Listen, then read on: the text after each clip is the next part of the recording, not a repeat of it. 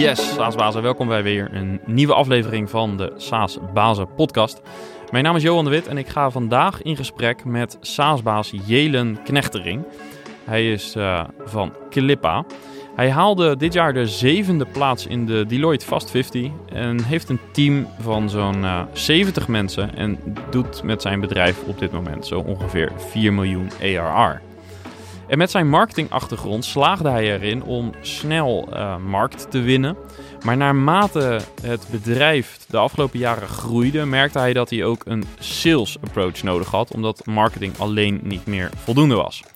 We praten over de groei die hij de afgelopen jaren doormaakte en hij deelt ook zijn visie op internationalisatie. En dat doet hij op een iets andere manier dan je vaak in de boeken leest. Ja, voordat we naar het, uh, het, uh, het, gesprek met Jelen gaan, eerst nog een uh, bericht van Leadinfo. Want Leadinfo maakt deze podcast mede mogelijk. En met Leadinfo zie jij als B2B SaaS bedrijf welke bedrijven er op jouw website zitten of hebben gezeten. En dat is vooral voor B2B SaaS bedrijven interessant, omdat je daarmee je marketing en sales een boost kunt geven. Wil je het proberen? Ga naar leadinfo.com slash saasbazen. En mocht jij een CRM-systeem gebruiken, kijk even bij integraties. Want met vrijwel alle CRM-systemen heeft Leadinfo een koppeling. Zodat je websitebezoekers meteen in je CRM terechtkomen. Laten we naar het gesprek gaan.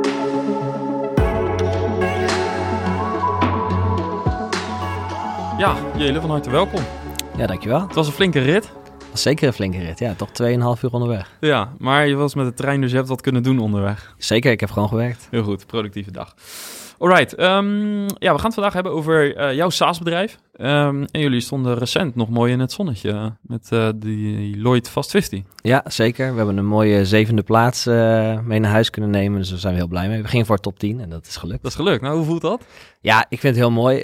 Um, ik hou er wel van om jezelf te kunnen meten aan nou, gelijkgestemden. En ik denk dat dit daar een heel mooi event voor is. En wij keken eigenlijk al twee jaar uit naar zometeen kunnen we meedoen. Hè? Je moet bepaalde thresholds halen. En dan weten we eindelijk waar staan we nou eigenlijk ten opzichte van de rest. Uh, nou, mooi resultaat. Ja, gaaf. Hebben jullie het nog een beetje gevierd? Nou ja, bij dat event sowieso natuurlijk. Hè. Iedereen was daarin uh, in uh, smoking en uh, leuk diner, lekker geborreld. maar de volgende dag moesten we wel weer terug naar Groningen, omdat we toen jurybezoek hadden van de Groningen Ondernemersprijs. Daar staan we ook in de top drie, dus de, de, de sneltrein gaat gelijk door. Ja, ja, en nu dan hier nog even tussendoor. Ja. Alright, nou hartstikke leuk en lijkt me goede energie om in te zitten als founder. Oh ja, absoluut. Ik denk als je in, in zo'n flow zit van hè, dat heel veel dingen goed gaan, dat, dat is gewoon heel leuk. Heel ja. rewarding. Ja. Tof. Um, kun je ons um, wat, wat, wat informatie delen, wat nummers delen over in termen van uh, met hoeveel zijn jullie, uh, waar staan jullie qua ARR, uh, om een beetje beeld te krijgen van waar jullie dan staan? Ja, zeker. Dus op dit moment zitten we op ongeveer 4 miljoen ARR. En we zijn met een team van ongeveer 70 FD. En dat is dan verspreid over Nederland en Roemenië, maar wel met uh, 90% zit in, in Nederland. Ja, oké. En um, wanneer zijn jullie begonnen? We zijn eind 2015 begonnen, dus we bestaan nu ongeveer zeven jaar. Oké, en wat was de aanleiding om te beginnen? Um, ik was zelf uh, consultant, online marketing consultant. En daarnaast had ik een uh, eigen website development bureautje. En eigenlijk in allebei de werkgebieden kwam ik erachter dat administratief werk uh, iets is wat ik in ieder geval totaal niet leuk vind, maar wat ik en heel veel mensen met mij toch verplicht moeten doen. Hè, verplicht van de Belastingdienst, verplicht vanwege compliance uh, redenen, nou, allerlei redenen waarom je administratief werk uh, moet doen. Toen dacht ik van, hey, dat is eigenlijk een super interessant snijvlak voor een bedrijf, want niemand wil het doen, maar je moet het wel doen. Dus als je dat nou kan afkopen, hè, dus in, in ons geval met software, dan is dat denk ik een hele makkelijke beslissing. En toen zijn wij de software gaan maken die bepaalde administratieve processen kan automatiseren. Ja, en welke processen zijn dat? Ja, onze software heet IDP, Intelligent Document Processing Software. Dus eigenlijk alle processen die documentgedreven zijn. Dus dat betekent bijvoorbeeld dat een factuur de basis is van het proces. Nou, dus bijvoorbeeld je inkoopproces. Of dat een paspoort de basis is van een proces voor KYC bijvoorbeeld. Dus alle processen waarbij mensen kijken naar documenten, daar controles op uitvoeren, daar data uit overnemen, dat automatiseren wij eigenlijk. En uh, waar, uh, hoe verhoudt zich dat tot uh, systemen waarin je ook dat soort uh, documenten moet beheren. Bijvoorbeeld het boekhoudsysteem in het geval van een factuur. Ja, dus wij zijn eigenlijk de technologie achter het boekhoudpakket. Okay. Dus als je kijkt naar Nederland, dan zitten wij achter ongeveer 20 boekhoudpakketten. Wij leveren daar de data-extractie, de klassificatiesoftware voor. Die zij integreren in hun oplossingen. Dus we zijn echt een API, SDK-achtige oplossing. Uh, dus heel veel mensen gebruiken ons zonder dat ze weten dat ze ons gebruiken. Ja, precies. Oké. dan heb je eigenlijk ook meteen het eerste thema ingeleid. Want we kunnen misschien nog even hebben over de technische ontwikkeling van het platform. Maar vooral was ik benieuwd naar jullie uh, go-to-market en marketing approach. Uh, kun je vertellen hoe jullie de eerste basis hebben gelegd voor zeg maar, het commerciële gedeelte van uh, het succes? Ja, zeker. Dus ik en ook een van mijn co-founders, Robert Jan, die komen echt uit, een, uit de marketingwereld. Dus achter websites bouwen, achter uh, conversieoptimalisatie, dat soort zaken. Dus eigenlijk de meest toegankelijke manier voor ons destijds in ieder geval, was om op basis van marketing klanten aan te trekken. Dus op heel vroeg zijn we al begonnen met het maken van een website, met het bijhouden van LinkedIn, met het publiceren van blogposts. Zelfs nog voordat het product echt klaar was.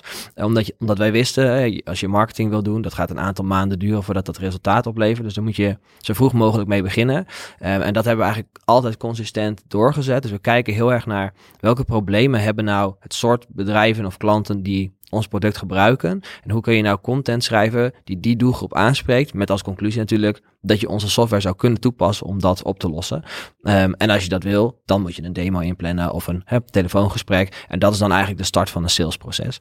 Um, dus zo vliegen wij dat aan. Ja, dus eigenlijk ben je begonnen met redelijk top funnel content. Uh, te zorgen dat je over de problemen praat van uh, jullie doelgroep. Uh, hoe konden jullie in een vroeg stadium je doelgroep al bepalen als je toch best wel verschillende use cases kunt supporten met je platform? Ja, we zijn in het begin heel erg begonnen, denk ik, met algemeenheden. Dus hè, um, je hebt een, uh, een boekhoudproces, dat heeft elk bedrijf in principe. Dus dan maakt het niet zo heel veel uit of je, nou ja, hè, of je een podcastbedrijf bent of dat je een bank bent. Een boekhoud pakket heeft iedereen. Uh, dus ze zijn begonnen bij dat soort processen, die eigenlijk niet segmentspecifiek zijn. En hoe langer je dan in de space zit, hoe meer je leert van hele niche processen met, uh, met bepaalde documentstromen. En toen zijn we steeds meer naar andere uh, segmenten gegaan. Maar we zijn eigenlijk begonnen bij dat wat iedereen doet, ja. namelijk de boekhouding. Ja, uh, maar wie zijn dan jullie klanten? Want uiteindelijk heb je dus, uh, nou, je noemde al boekhoudsystemen. Um, dat zijn echt dus ook softwareleveranciers. Ja. Um, maar kan, kan ik ook als eindgebruiker op een bepaalde manier jullie platform inzetten? Ja, dat kan wel. Um, dus we hebben ook een eigen applicatie bijvoorbeeld die bedrijven kunnen gebruiken voor hun expense management proces, voor hun inkoopfacturenproces. Maar dat is ongeveer 20, 25 procent van onze business. Dus 75 procent zit echt in uh, het leveren van softwarecomponenten. En de reden daarachter is dat dat heel schaalbaar is. En wij stoppen daarmee eigenlijk waar eigenlijk lokale regulering begint. Dus als je een boekhoudpakket bent en je zit in Nederland, dan is de BTW 9%, 21%. zijn bepaalde regels over wat je wel niet mag aftrekken. Die zijn in Duitsland anders en die zijn in Spanje anders. Dat is ook de reden dat er heel weinig uh, boekhoudpakketten internationaal succesvol zijn. Dus wij proberen eigenlijk te stoppen waar dat soort uh, specifieke regels beginnen. Dus wij zeggen bijvoorbeeld, dit is een factuur en die factuur is van deze verzender en deze, deze ontvanger. Um, dit zijn de btw-percentages daarop. We hebben gecontroleerd bij de Kamer van Koophandel dat dat allemaal klopt. Um, en dan doet het boekhoudpakket eigenlijk hun landspecifieke kunstje. Um, en dat maakt het heel schaalbaar. Uh, en dat maakt het dus ook internationaal toepasbaar. En dat is lastiger als je dus bijvoorbeeld een boekhoudpakket bent. Ja, en in jullie marketing kun je een aantal uh, voorbeelden noemen van kanalen die jullie hebben ingezet om, uh, dus je hebt geblogd, maar hoe heb je ervoor gezorgd uh, dat dat ook bij de juiste mensen terechtkomt? Want een blog maken, ik, ik, zie wel eens dat mensen heel veel investeren in bijvoorbeeld het maken van een blog of zelfs een, een podcast of andere vormen van, van content, maar uiteindelijk moet het natuurlijk mensen zien te bereiken. Dus hoe pakken jullie dat aan, die distributie? Ja, nou, ik geloof wel dat je eigen website zou je primaire platform uh, moeten zijn. Want ik zie het als een soort van vastgoed. Je publiceert je content ergens. En ja, als je dat goed doet en je onderhoudt dat goed, kan dat voor de komende 10, 20 jaar kan dat leads opleveren. Um, dus ik geloof wel dat je eigen platform de basis moet zijn. En dan daarnaast moet je denk ik één of twee kanalen kiezen voor distributie. Dus je moet denk ik niet zeggen, ik ga en op Twitter en op Facebook en op LinkedIn. Want het is heel moeilijk om dat allemaal op een goed niveau te doen. Dus wij hebben ervoor gekozen om LinkedIn als ons sociaal uh, platform te gebruiken. Omdat we zijn echt een B2B product. Dus wij hebben in die zin wat minder te zoeken ook op Facebook. En nou ja, misschien hadden we zelf ook minder interesse in Twitter. Maar ook daar was dat misschien niet per se onze doelgroep. Um, en we hebben ernaast voor gekozen om onze content te distribueren via content partners. En dat zijn dan bijvoorbeeld uh, platformen die voor CFO's, uh, op CFO's gericht zijn, platformen die gericht zijn op KYC procesmanagers, omdat je weet dat daar jouw doelgroep zit. maar we proberen altijd wel die content weer te linken naar onze eigen content. Dus we delen eigenlijk een soort teaser content op die platformen, die uiteindelijk leidt naar onze eigen blog, waar echt de in detail content staat en de video's en nou, alles wat je maar wil weten. En zo hebben we eigenlijk dus drie stromen, maar alles leidt uiteindelijk wel naar de website. Ja, en uh, kun je een voorbeeld geven van een uh, platform waar je dus zo'n teaser opzet, uh, wat uiteindelijk leidt tot een artikel op jullie website bijvoorbeeld? Ja, het zijn er echt heel veel. Je moet, je moet, moet denken aan tientallen, misschien wel honderd inmiddels, over verschillende landen. Maar het zijn echt vakmedia, zoals een CFO.nl of accountant.nl. Okay, dus ja. zulke soort dingen moet je aan denken. Maar dan dus ook in Duitsland, in Spanje, in Frankrijk, et cetera. Oké. En maak je daar ook echt budget voor vrij? Of zie je dat meer, is dat een soort lange adem PR-approach? Dat, hoe ziet dat uh, eruit? Uh, nee, daar maken we zeker budget voor vrij. Dus ik denk dat je het moet zien als een combinatie tussen het bouwen van autoriteit, hè, dus, dus branding, uh, en PR. Het zit, het ergens op dat snijvlak. Um, dus je dus het is iets waard dat je bepaalde mensen daarmee bereikt, maar dat is heel moeilijk door te rekenen. En het is iets waard dat, hè, dat het eindelijk refereert naar jouw website en je daarmee autoriteit ophoudt. Um, en wij hebben eigenlijk een model gemaakt voor onszelf dat we een bepaald bedrag uh, over hebben voor een bepaald bereik. En onze content marketeers krijgen gewoon de opdracht: vind zoveel mogelijk platforms waar je hè, binnen die range publicaties kan doen. En die publicaties uh, die moeten volgens een bepaald format zijn. En die partijen moeten allemaal ja, respectabele partijen zijn, zeg maar. Ja. En wat zijn de, een beetje de typische call to actions die jullie gebruiken? Ik neem aan dat ik niet eh, binnen vijf minuten, uh, net als bijvoorbeeld bij Calendly, een accountje heb en alle waarde uit het product kan halen. Nee, nee, dus onze producten worden wel echt geïntegreerd in andere softwareoplossingen. Er zit een integratie proces aan vast. Dus de conversie is eigenlijk niet van ik lees een blog, ik uh, doe een online sign-up en ik begin gelijk met gebruiken. Of tenminste, doorgaans niet. Het is meestal, ik lees een blog, uh, hey, je bent je aware dat je een bepaald probleem hebt. Je wil daar meer over weten. En dat moet tot een gesprek leiden. Wij noemen dat meestal een online demo of een call back. Maar dat gaat er in principe over. Kunnen we dat probleem van die klant verder uitdiepen? Uh, en kunnen we kijken of onze software daar de oplossing voor is. En als we denken dat dat zo is, dan komt er ook daadwerkelijk een productdemonstratie in datzelfde gesprek. Maar dat is zeker niet altijd het geval. Hè, dus uh, als je wat groter wordt, dan leer je steeds beter nee zeggen. Omdat je leert dat je ook heel erg afgeleid kan zijn van dingen. Dus we kwalificeren heel goed die leads. Is dit iemand die wij kunnen helpen? En als dat zo is, dan komt er gelijk een productdemonstratie dat leidt uiteindelijk eigenlijk tot een testomgeving en dat leidt uiteindelijk tot een implementatie. Dus dus niet uh, één op één van de software Calendly. Nee, oké. En um, hoe hebben jullie dat uh, qua functies ingericht? Dus er komt een lead binnen, bijvoorbeeld via een formulier. hebben jullie daar echt een sales team omheen gebouwd? En, en, en hoe ziet het er nu uit versus twee, drie jaar geleden? Ja, nou, het ziet er heel anders sowieso uit uh, nu als uh, twee jaar geleden. Het komt enerzijds door het volume aan leads. Vroeger ging dat, nou ja, om enkele per dag. Nu gaat het om tientallen per dag. Um, vroeger hadden we eh, de founders die zelf eigenlijk de sales deden. Ik weet niet of dat twee jaar geleden nog zo was, maar in ieder geval deels wel. Um, en daarnaast hadden we een aantal AI's. En die AI's die deden eigenlijk full cycle. Dus deden de kwalificatie, deden de demo, deden de, uh, de contractonderhandeling um, en uh, deden dat hele proces.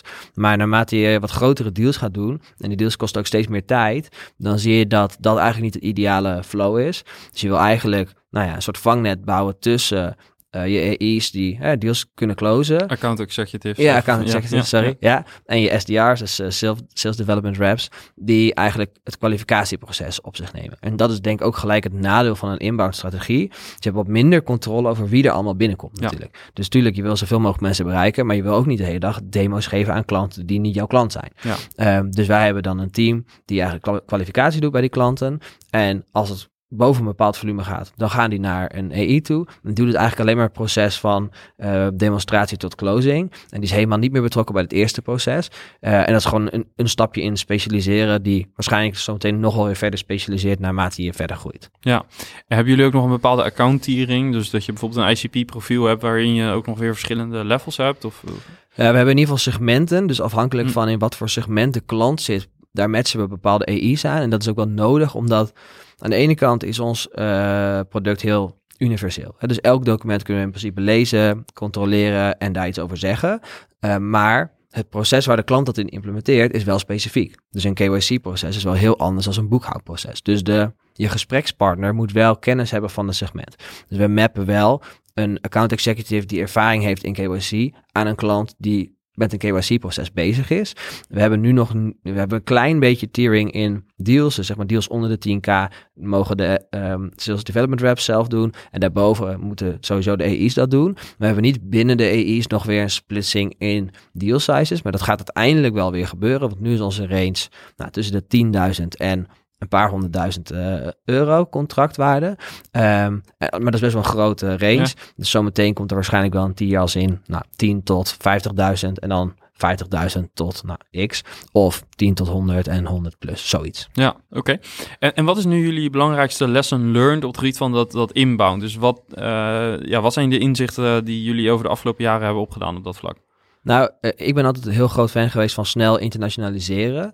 Um, want ik denk hoe langer je ermee wacht, hoe moeilijker het misschien wel is om het te doen. Want je hebt steeds meer content, je hebt steeds meer verticals. En als je dan op een bepaald moment zegt, oké, nu wil ik een markt erbij, of je wil misschien wel drie markten erbij, dan voelt dat als heel veel werk. En wij hebben eigenlijk bijna vanaf dag één gezegd van, we willen internationaliseren. En zijn het gewoon gelijk op die manier gaan produceren. En hebben dat altijd consistent gedaan.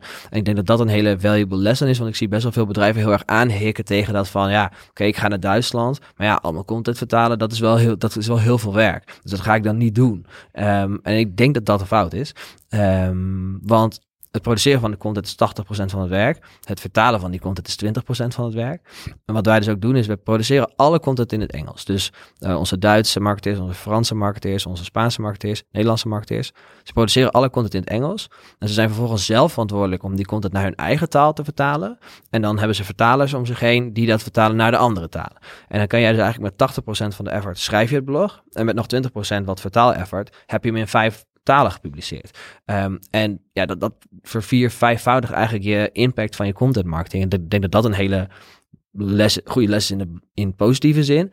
En in negatieve zin denk ik dat het vrij makkelijk is op den duur om uh, te verliezen wat nou echt belangrijk is. Dus je bezoekers zijn natuurlijk een mooie uh, metric, in die, maar dat levert in principe geen euro's op. Dus heel goed inzicht krijgen in maar welke bezoekers converteren nou naar die klanten en schrijven naar de goede blogs om echt klanten te krijgen of schrijven we blogs die vooral bezoekers opleveren. En ik denk dat we op een bepaald moment wel te veel richting de bezoekerskant gingen. En als je dan heel goed ging analyseren, zag je dat nou, 50% van de leads komt uit 10% van de blogs. Ja. ja. en dat is een hele interessante learning. Want ja, dan moet je daar natuurlijk meer op inzetten. Ja, ja en uh, als je naar internationalisatie kijkt, zou je kunnen zeggen... je hebt uh, het operationele gedeelte. Bijvoorbeeld inderdaad het vertalen van blogs en dat soort zaken. Je hebt ook de strat het strategische gedeelte.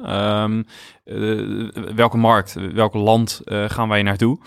Bijvoorbeeld. En, en welke markt is interessant. Um, het lijkt alsof jij ze eigenlijk uh, hebt uh, samengesmolten. Gezegd, oké, we maken het gewoon sowieso in alle mogelijke talen om ons heen.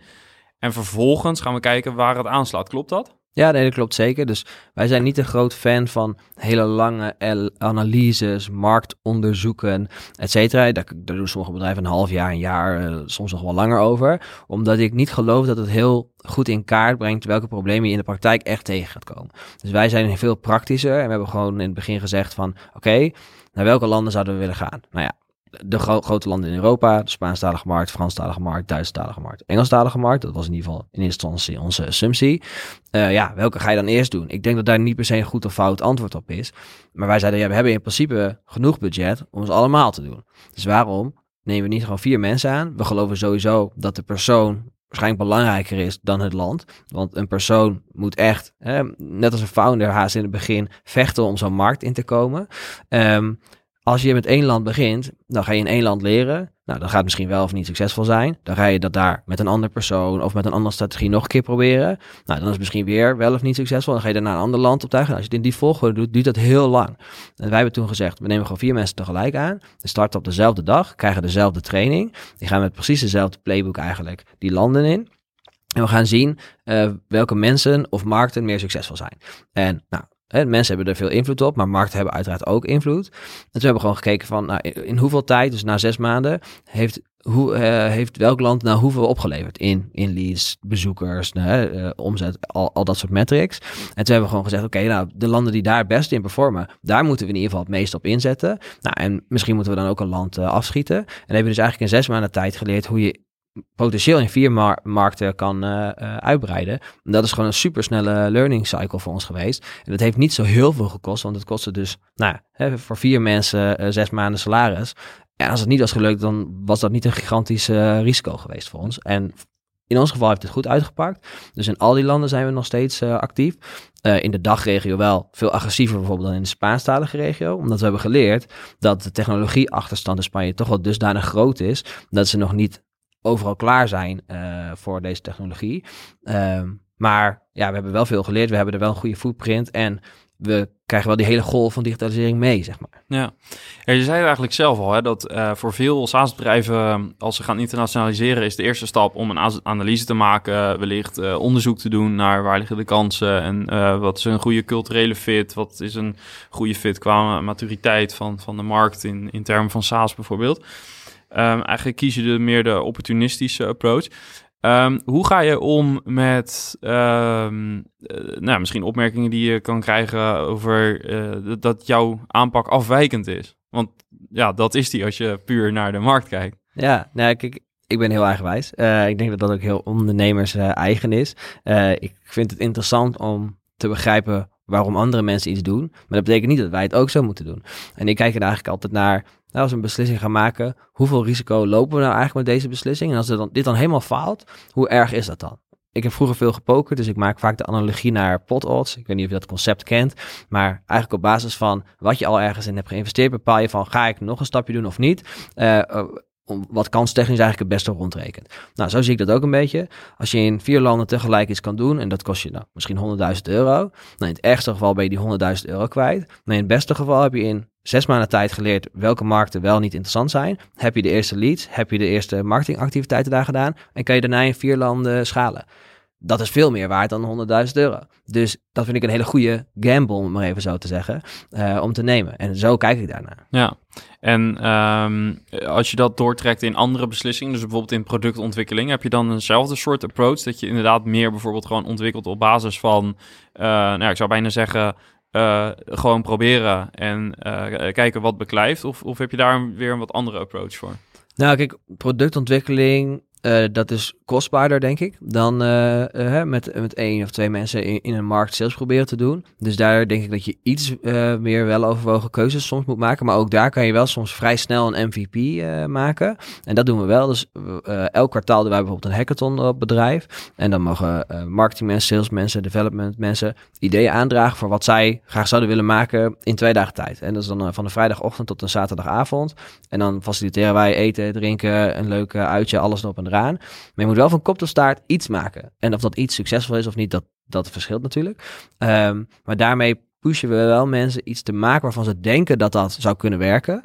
Um, tot een, in een MVP-product. Dan gaan we dat product of zelf gebruiken of bij klanten neerleggen. En dan zien we wel van, hey, is hier appetite voor? En als je hè, duizend klanten hebt, je legt het aan tien voor en daarvan zeggen er drie van, het is best wel interessant. Dan, dan vind ik dat wel genoeg reden om dat verder te onderzoeken. Um, dus in die zin we integreren wel een stukje van dat gedachtegoed, denk ik, in onze cultuur. Maar ik, ga niet, uh, ik zet niet gelijk zes uh, developers op een nieuw product waarvan ik hoop dat het gaat werken. Dat, daar, dat niet. Ja, oké. dus daar zit een bepaalde balans in. Dus je blijft rekenen. Daar komt het eigenlijk ja, op neer. Ja, omdat gewoon die investering is niet een ton, maar die is misschien uh, wel vier ton. Ja. en uh, dan is denk ik het, de, de upside is, oké, ik heb misschien een product wat gaat werken, maar de downside is, is zeg maar 4 ton. Dus dan maak je die beslissing net wat, uh, wat voorzichtiger, denk ik. Ja, oké. Um, we hadden het over het, inbound gedeelte. Uiteindelijk komt er een punt uh, waarop je zelf ook zegt, alleen via inbound heb je iets minder sturing in nou, de mensen die zich uiteindelijk aanmelden voor een demo bijvoorbeeld. jullie zijn ook met outbound gestart. Uh, kun je vertellen uh, waarom jullie dat gedaan hebben en ook wat jullie eerste stappen zijn geweest? Ja, um, dus eigenlijk wat je net zelf al zei, uh, met inbound kan je snel veel mensen bereiken, maar je hebt niet 100% controle over wie je nou precies bereikt. En als je je klantenportfolio gaat opdelen in een soort normaalverdeling, dan ga je zien, of in, in ons geval in ieder geval, dat nou, 50% van de revenue komt van 20% van de klanten. En dan wil je natuurlijk meer van die 20%. Uh, eh, en die 20% kan je proberen te targeten via marketing. Maar in ieder geval in ons geval is dat wel een vrij kleine doelgroep. Hè? Dus onze doelgroep zijn grote corporates en uh, softwarebedrijven. Um, als wij in een bepaald segment, dus bijvoorbeeld KYC of boekhouding, in een bepaald land nou ja, 100 potentiële klanten hebben, is dat dat soort aantallen moet je aan denken. Dus is marketing dan de beste strategie om die 100 klanten dan te bereiken? Nou, dat denk ik niet. Uh, want die 100 kan je ook wel heel goed uh, bewerken met sales. Dus eigenlijk om de lookalikes te vinden van onze succesvolle klanten, moet je haast wel outbound sales doen omdat je anders ja, zoveel bijvangst gaat doen met marketing, dat het gewoon niet effectief is. Dus we zeiden van, we willen gewoon meer van die 20% topklanten hebben. Ja, die moet je gewoon gericht gaan, uh, uh, daar moet je gericht op gaan jagen. En dat kost gewoon tijd. Dus daar heb je een sales team voor nodig. Um, en daarom zijn we dat gaan doen. Ja, en hebben jullie dan ook een beetje een account-based marketing approach? Of is het echt vooral sales, echt outbound en, en heeft marketing daar niet zo'n rol in? Nou, marketing heeft daar denk ik in mindere mate een rol in. Dus marketing is voor ons ook heel erg een manier om een markt te begrijpen bijvoorbeeld. En de eerste stapjes ergens in te zetten. Dan goed naar de data te kijken van waar zit nou succes en waarom zit daar nou succes. En dan hoe kan je dat succes accelereren. En dat vergt dan vaak wel dat mensen iets gaan ondernemen. En dat zit dan uiteindelijk toch wel vaak bij sales. Uh, dus dus uh, ik denk dat dat een beetje is hoe wij daar naar kijken. en ja, marketing speelt daar wel een rol in, want die maken bijvoorbeeld wel materialen. Hè? Dus case studies, nou, dat soort zaken.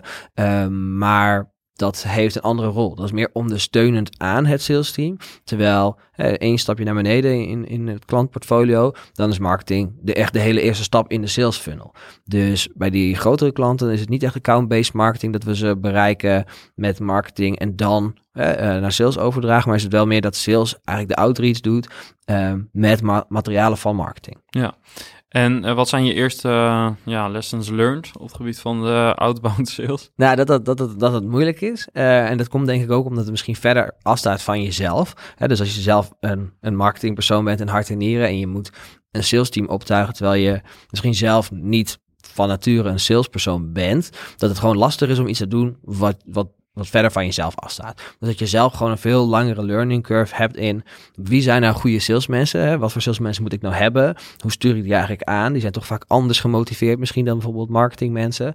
Um, ze zijn denk ik ook vaak um, Je moet ze vaak best wel achter de broek zitten. En daar kom, daarom heb je natuurlijk ook bonus, structuren, et cetera. Uh, en dat is niet iets wat wij in onze organisatie kenden eigenlijk. Um, dus ja, daar moet je best wel veel uh, veranderingen voor invoeren om dat succesvol te doen. Maar zie, we zien nu wel dat het werkt. Hè, dus als je dat nou, een beetje een cultuurverandering hebt, je gaat sales meer, vieren, je hebt daar die goede structuren voor, je hebt goede bonusplannen, dan begint het wel te werken, maar dat heeft wel nou, meer dan een jaar gekost, zeg maar, om dat goed op te tuigen. Um, en dat komt denk ik omdat wij die achtergrond niet hadden. Ja, en, en kun je wat specifieke dingen noemen die je hebt veranderd sinds je merkte van ja, dit, dit dus sales heeft een iets andere aanpak nodig dan marketing? Ja, nou, we hebben bijvoorbeeld dagstructuren geïmplementeerd. Dus dat je als salespersoon bijvoorbeeld, hè, uh, nou, ik, ik weet de exacte structuur niet nu hoor, maar dat je in het eerste uur bijvoorbeeld uh, je mail afhandelt, dan een belblok hebt uh, van twee uur, dan je follow-ups gaat doen, zodat je een structuur hebt, zodat je consistent kan presteren. Heel activity-based. Heel activity-based. Ja, Want ik ben wel groot over. Te, uh, ik ben een groot fan van dat als je veel input doet, dan moet er uiteindelijk output uitkomen. En ik denk dat er best wel veel mensen zijn die zeg maar, die doen één dag in de week uh, input en dan zeggen ze, oh, waarom komt er nou niks uit? Nou, dat is waarschijnlijk omdat je niet genoeg of niet de juiste input doet. Dus we hebben dat wel activity-based ingedeeld. We hebben ook de targets zeg maar zo ingesteld dat ze gebaseerd zijn op je moet ook die activity targets halen. Um, om daarnaast bepaalde sales targets te kunnen halen en daar bepaalde bonus aan te hangen. Dus als je de bonusplannen goed aligned met het gedrag dat je wil dat ze vertonen, dan krijg je ook de output die je wil dat ze vertonen. En er zullen vast salesmensen zijn die, zeggen, daar ben ik helemaal niet mee eens. Als je op je eigen manier uh, het succes vindt, ook al doe je maar één belletje per dag, dan uh, is dat ook goed. En ja, theoretisch gezien, als je honderd mensen kan vinden die dat doen, dan zou dat fantastisch zijn. Maar dat, de realiteit is natuurlijk dat dat één op de honderd is die dat zo doet. En als je een sales team wil schalen, dus je wil vijf mensen, tien mensen, twintig mensen, moeten ze wel een soort schaalbaar patroon volgen waarvan je weet dat dat werkt. En dan kan ik niet gaan zitten en hopen dat nou ja, jouw persoonlijke strategie supergoed werkt. En je kan ook niet twintig mensen managen die allemaal hun eigen ding doen. Of in ieder geval geloof ik niet. Um, dus ja, die structuur aanbrengen, de bonusplannen daarmee alignen en mensen vinden die hè, ook daarin mee willen gaan en niet helemaal een eigen ding willen doen. Ja, dat is voor ons wel de learning. Ja, dus dat begint al in hiring. Ja, dat begint zeker in, uh, in hiring. Ja, ja. Hoe toets je dat? Uh, nou ja, Want iedereen zal natuurlijk, uh, zeker verkopen. ik hoor ook wel eens van founders die voor het eerst een sales team gaan aannemen, dat die het heel lastig vindt, omdat sales team een sales rep kan zichzelf vaak goed verkopen. Ja, 100%. Nee, dat is dus ook heel lastig. Kijk, wij doen voor alle rollen sowieso assessments, maar zelfs daar komen assessments gemiddeld gezien best wel goed uit. dus ik denk dat het meer op overtuiging is. Dus geloven zij ook dat hè, je de input moet leveren om de output te leveren. Kunnen zij jou vertellen hoe ze dat nu in de praktijk brengen? Nou, een van de beste sollicitanten die wij ooit hebben gehad, die kwam gewoon binnen en zei: Ik doe al uh, tien jaar lang elke ochtend de eerste twee uur cold calls omdat ik weet dat als ik dat doe, dat dat consistent resultaat oplevert. Ik heb er ook soms geen zin in, hè, maar ik doe het wel. Elke dag, al tien jaar lang. Nou, dat is uh, het gedrag wat ik graag dan wil zien. Um, dus ja, door dat proberen te toetsen van geloof jij dat je één lucky shot maakt in de maand? Of geloof jij dat je consistent uh, input levert en dat levert consistente output op? Ik denk dat dat een soort van ja, uh, essentiële overtuiging is die je moet delen. Anders dan ga je conflict krijgen. Ja. En dan hebben we het over nou, gedragsverandering bij de mensen, in dit geval sales. en misschien ook wel de impact op de rest van je organisatie. wat, is, ehm, wat zijn nou voor jou de grootste veranderingen tussen jouw rol nu en, nou, laten we zeggen, een aantal jaren geleden, toen jullie met misschien maar vijf of tien mensen waren. Ja, nou, dat is echt een gigantisch groot verschil. Dus ik denk dat wij echt komen van met de voeten in de klei, alles zelf doen. Dus ik, ik ben zelf op zich geen programmeur, maar ik heb wel eens een hele website gebouwd bijvoorbeeld. En dat vond ik ook altijd leuk om te doen, want ik kwam ook uit de marketinghoek.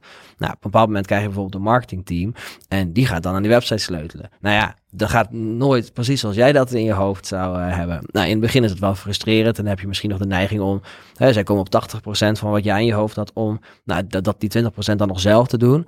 Maar dan kom je ook tot de conclusie, dat is niet schaalbaar. Want dan word je zelf de limitatie. Want op een bepaald moment heb je vier mensen die content voor je produceren. En dan moet je alles controleren. Dus op een bepaald moment moet je, denk toch een soort acceptatie krijgen dat zij het misschien net iets anders doen uh, dan jij. En dat is niet per se slechter overigens, maar wel anders doen dan jij. En dan moet je ook niet meer willen alles controleren, denk ik. Uh, want anders gaat het niet schalen. Hoe kwam je tot dit inzicht? Nou, doordat ik merkte dat, doordat ik alles wou controleren bijvoorbeeld, blogs niet op tijd online kwamen. En mensen hadden wel bepaalde productiequota. En zeiden ze, ja, maar het komt niet lang dat jij het nog niet hebt gelezen. En als je voelt van, ja, oké, dus ik word eigenlijk de limitatie. Terwijl ik graag wil dat zij uh, veel produceren. Ja, dan moet ik wel zorgen dat die limitatie eruit gaat. Hoe doe je dat? Nou, iets beter documenteren wat ik dan precies verwacht. Mensen in het team verantwoordelijkheid geven om elkaars werk te controleren. Om van die 80% in ieder geval 90% te maken. En dan denk ik te accepteren dat het gat tussen die 90% en die 100% resultaatwise misschien niet zo heel groot is eigenlijk. Maar wel als founder misschien gevoelsmatig van nou, ik zou het anders vertellen. Dat, uh, ja, dat je die acceptatie uh, hebt dat dat in output niet het verschil gaat maken. Of in ieder geval als 10 mensen op 90% produceren, dat dat sowieso beter is dan als jij op 100% produceert. Uh, en dan ga, je, dan ga je al één stapje naar achter. Nou, en die stapjes die je naar achter gaat, worden steeds meer stapjes. En op bepaald moment, zoals nu in mijn rol, zie ik het vooral een beetje als schaken. Ik kijk naar de verschillende teams en ik kijk van waarom loopt het ene team wel goed en waarom loopt het andere team nou niet goed. En hoe kunnen we nou iemand toevoegen aan dat team of dat team anders indelen of hè, nou, noem het maar op, om dat team ook beter te laten functioneren. Um, Vervolgens ga ik dat zelf niet helemaal implementeren, maar dan ga ik met het team niet in gesprek en zeg van, hey, ik zie dit. Volgens mij zou het zo en zo moeten um, inrichten. Wat denk je daarvan? Nou, goed idee, slecht idee. Uh, Oké, als het een goed idee is, nou, ga dat maar implementeren. Nou, en dan ga je dus op een heel ander niveau denken, omdat je niet meer dingen aan het produceren bent, maar wel aan het coördineren hoe mensen aan het werk zijn om ja, maximale efficiëntie uh, of kwaliteit daaruit te halen. Um, en dan ben je dus met heel veel verschillende dingen bezig. Eén dag kijk ik naar het marketingteam, andere dag kijk ik naar het development team. En dat is wel echt het idee van aan je bedrijf werken in plaats van er uh, erin werken, zeg maar. Maar ik had vroeger heel veel plezier aan zelf de website bouwen, weet je. Omdat je aan het eind van de dag iets tastbaars uh, uit je handen hebt gekregen. En nu kom je aan het eind van de dag wel eens thuis en denk je van... Ja, wat heb ik nou vandaag precies gedaan? Want je hebt niet iets geproduceerd, maar je hebt wel ja, mensen gecoacht, geassisteerd in hun werk beter doen. Alleen dat is gewoon iets lastiger tastbaar te maken voor jezelf. Ja. Nu klinkt dit uh, vanuit een soort managementstructuur uh, super logisch en heel begrijpelijk. Hè? Dat je op een gegeven moment meer mensen gaat aansturen in plaats van het werk zelf doen. Maar voor iemand die zichzelf als eigenwijs omschrijft, lijkt me dat nogal een stap. Ja, maar ik denk dat als je eigenwijs bent richting anderen, moet je ook wel eigenwijs durven te zijn richting jezelf. Dus ik geloof dat zeg maar heel zelfkritisch zijn ook heel belangrijk is. Dus uh, ik, ik, ben kritisch op iedereen en alles in principe, maar ook op mezelf. Dus ik, ik durf ook wel tegen mezelf te zeggen van, ja, nu ben je zelf de limitatie en dat moet je nu ook gewoon oplossen. Ehm, dus ja, ik denk dat dat daarin zit. En dan ga je dan, ga je dan eens een stapje terug doen. Oké, maar hoe zou dat dan kunnen werken? Nou, dan moet er iemand tussen of dan moet die structuur anders. Dan ga je daarover nadenken. En dan is het, kan je dat slechte gevoel van ik ben zelf bijvoorbeeld de limitatie ook wel weer omzetten in van hey, dit is eigenlijk een veel beter idee. En hiermee help ik het bedrijf vooruit. Dus ja, ik ben ook gewoon eigenwijs op mezelf, denk ik. Van wat ik gisteren heb bedacht, dat was is misschien vandaag net niet meer zo'n goed idee. Ja, dus ook heel wendbaar weer. Ja, ja, ja. en gisteren, vandaag, dat is wel heel kort dag. Maar eh, ik, uh, ze zeggen wel eens, je, je, moet je bedrijf elk jaar opnieuw uitvinden. Dat, dat is bij ons 100% waar. Ja, ja. ja. Um, je gaf ook aan, uh, toen we elkaar even spraken, van ja, je krijgt op een gegeven moment, zeker ook naarmate je groeit, je krijgt met steeds meer mensen te maken, steeds meer stakeholders. En uh, heel veel mensen hebben ook advies voor, voor je, of, of die, die denken actief uh, gevraagd en ongevraagd mee in allerlei vormen. Um, uiteindelijk super waardevol, maar aan de andere kant kan het ook weer gevaarlijk zijn. hoe heb jij de balans gevonden, of lukt het om die balans te vinden tussen het vinden van je eigen koers en het volgen van uh, waardevolle en soms minder waardevolle feedback. Ja, ik denk dat over tijd dat voor ons uh, heel erg heeft gewisseld. Dus in het begin begonnen we als uh, eigenwijze uh, gastjes die dachten dat ze het wel beter wisten. En hadden we echt ons eigen pad. En nou, op een bepaald moment kregen we nou, laten we zeggen, relatief een beetje succes. Dus dan denk je van ook van, nou, blijkbaar uh, wat we bedacht hebben, makes wel enig sens. Uh, dan kom je in aanraking met investeerders, met mentoren. En dan krijg je voor het eerst, denk ik, advies van mensen. En in het begin heb je, denk ik, heel veel respect voor die mensen. Want je zegt, denkt snel van, zo, die uh, is de directeur van de Rabobank geweest. En die heeft dit bedrijf succesvol verkocht. Dus die zullen het wel weten. dat gevoel had ik in ieder geval. Ehm, maar dan ga je ook snel zien dat de een zegt je moet linksaf en de ander zegt je moet rechtsaf. En ze zijn allebei van overtuigd dat ze gelijk hebben. Nou, en dan neig je misschien naar degene met wie je de beste klik hebt. Of waarvan je denkt van nou, dat lijkt meestal wat, uh, wat ik heb gedaan. En wat ik uiteindelijk van heb geleerd is dat je toch niet te veel naar die mensen moet luisteren. Of in ieder geval, je moet naar ze luisteren om je context te verbreden. Je moet begrijpen van waarom denken zij zo en wat kan ik daaruit meenemen. En dan probeer ik een soort van gemiddelde te destilleren uit al die adviezen en dan wel mijn eigen route te kiezen. Maar in het begin is dat best wel lastig, want dan moet je soms tegen mensen zeggen van, hey, bedankt voor je advies, maar ik ga het toch even anders doen. Uh, ik voelde me dan alsof ik mensen een beetje beledigde, want zij probeerden mij te helpen.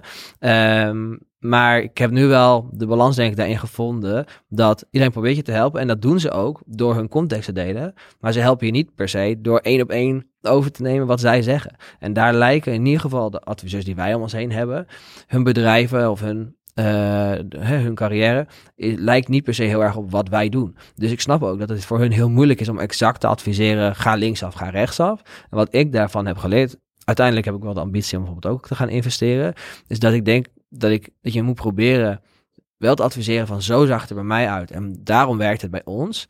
Maar dat betekent niet dat jij dat één op één kan overnemen. Maar kijk welk deel daarvan op jouw proces lijkt. En neem dat deel over en maak er dan je eigen sausje van. Ja. Als iemand nou exact hetzelfde bedrijf als jij had geleid en die geeft je advies, dan is dat misschien al wat anders. Maar dat is denk ik wel heel zeldzaam. Ja, ja.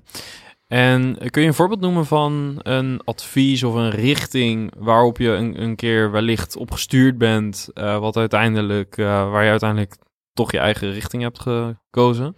Nou, ik denk dat dat bijvoorbeeld is van uh, dat mensen zeiden, nou, als je naar Duitsland gaat, dan, dan moet je drie mensen aannemen, die moet je allemaal een ton betalen en een BMW, want dat is de enige manier om in Duitsland succesvol te zijn. Dat soort uitspraken worden zeker gedaan door mensen. Um, nou, dan denk je van oké, wil ik dat? Past dat bij mijn bedrijf? Uh, hoe ga ik die mensen vinden? Hoe ga ik ze dan aansturen? De rest van mijn bedrijf zit in Groningen.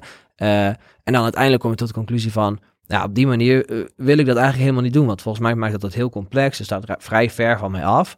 En moet je nou per se heel Duitsland doorrijden om die klanten te acquireren? Of is er ook een moderne approach daarin. Nou, wij hebben uiteindelijk voor gekozen om dus nou, onder andere content marketing te doen. En dus ook, maar ook Duitse sales professionals naar Groningen te halen. En om gewoon die verkoop grotendeels op afstand te doen. Dus ja, wij vliegen of rijden dus soms wel eens naar de grotere klanten toe. Maar dat is echt maar 5% van ons klantportfolio. Mm. Maar iedereen zei altijd, ja, dat kan niet in Duitsland. Nou, dat kan dus wel in Duitsland. Uh, maar ja, wel op een andere manier. Ja. Oké, mooi voorbeeld en inderdaad heel herkenbaar. Dat, uh, en, en ook weer terug naar het begin van het gesprek, dat eh,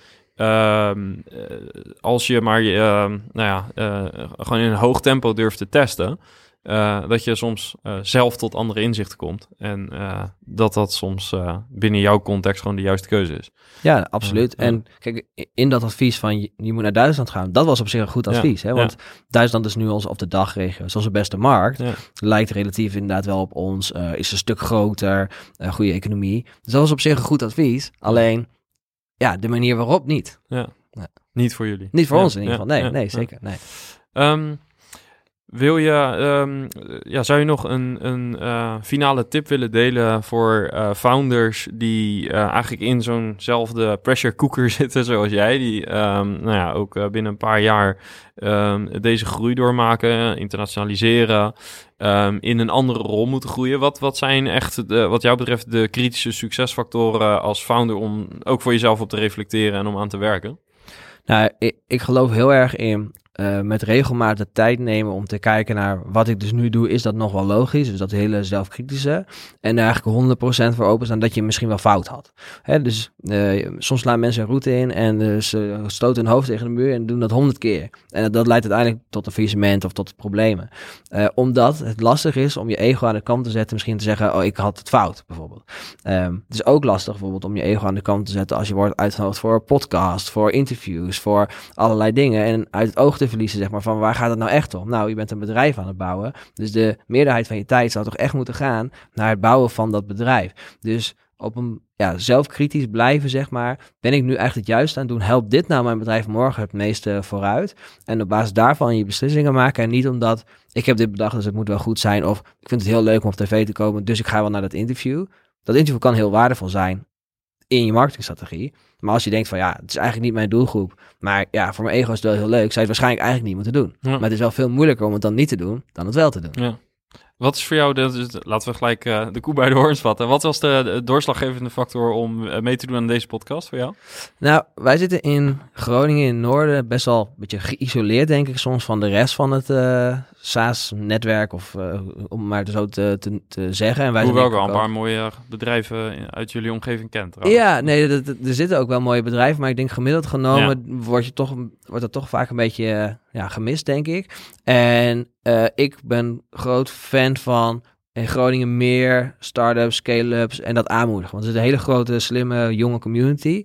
Maar op een of andere manier komt dat nog niet helemaal tot zijn recht. Dus ik denk een klein beetje Groningen eh, onder de aandacht brengen. En eh, misschien ook een beetje een voorbeeld zijn voor anderen. Om ze te inspireren van, weet je, doe het gewoon. Probeer het gewoon. Er is echt geen reden dat het in Groningen niet zou kunnen en in Amsterdam wel bijvoorbeeld. Ehm, en ik, ja, ik zie dat een beetje als mijn verantwoordelijkheid. Eh, ik geloof een beetje in die giving forward mentaliteit van Silicon Valley. Mensen hebben mij ooit geholpen. Ik wil andere mensen ook helpen en inspireren. Nou, en daar reserveer ik een klein stukje van mijn tijd voor. Ja. Maar je zult mij dus ook niet elke week bij een podcast zitten. Ja. Maar wel één keer in een jaar misschien. Ja. Ja. Eh, en ik denk dat, het, eh, dat je dat eh, heel goed gedaan hebt. Want ik heb zelf veel, veel geleerd. Ik vind met name ehm, het, het factor luisteren naar jezelf, zeg maar. Dus echt durven vertrouwen op je eigen keuzes. Ehm, binnen de context die je krijgt, hè, binnen alle advies die je krijgt, denk dat het heel waardevol is. Ehm, en en eh, nou ja, sowieso ook interessant om te horen hoe jullie de transitie hebben gemaakt van inbound only naar inbound en outbound. Dat vind ik ook, er zaten een paar tactics in die ik eh, eh, ook interessant vind om, eh, om mee te nemen. Dus eh dankjewel daarvoor. Ehm, als mensen met je in contact willen komen, LinkedIn neem ik aan, het makkelijkst. LinkedIn is, eh, is het makkelijkst en toegankelijkst. Ja, Oké. Super. Eh, nogmaals dank en eh, fijne terugreis alvast. ja dankjewel. En jij ook erg bedankt voor je tijd. Thanks.